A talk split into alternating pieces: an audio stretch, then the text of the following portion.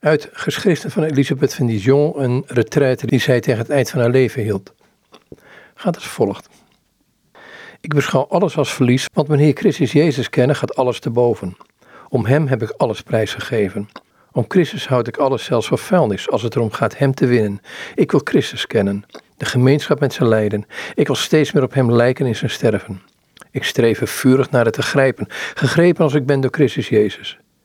Vergetend wat achter me ligt, mij uitstrekkend naar wat voor me ligt, storm ik af op het doel, de prijs van Gods hemelse roeping.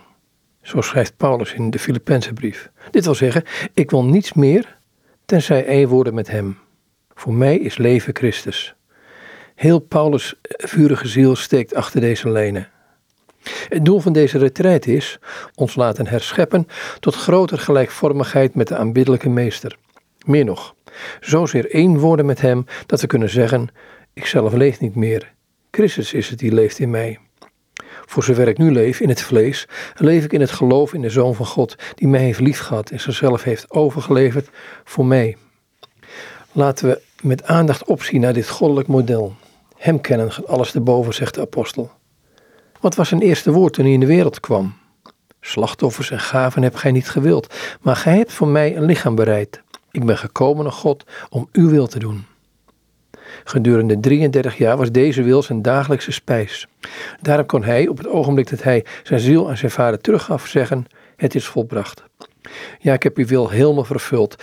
Daardoor heb ik u op aarde verheerlijkt. Inderdaad, toen Jezus Christus tot zijn apostelen sprak over deze spijs die zij niet kenden, zei hij: Mijn spijs is de wil te doen van hem die mij gezonden heeft. Ook kon hij zeggen: Ik ben niet alleen. Hij die mij gezonden heeft, is met mij. Hij heeft me niet alleen gelaten, omdat ik altijd doe wat hem behaagt. Laten we met vreugde het brood, dat Gods wil is, nuttigen. Soms is hij kruisigend.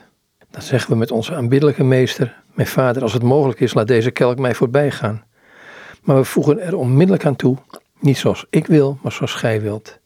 En we bestijden vredig en sterk met de goddelijke gekruisigde onze Calvarie. Het diepst van onze ziel zingt. Een dankhymne tot de Vader stijgt eruit op. Zij immers die dit pijnlijk pad betreden, heeft hij gekend en bestemd tot gelijkvormigheid met het beeld van zijn zoon. De uit liefde gekruisigde. Aldus Elisabeth van Dijon, oftewel Elisabeth van de Drie Eenheid, in een retraite aan het eind van haar leven.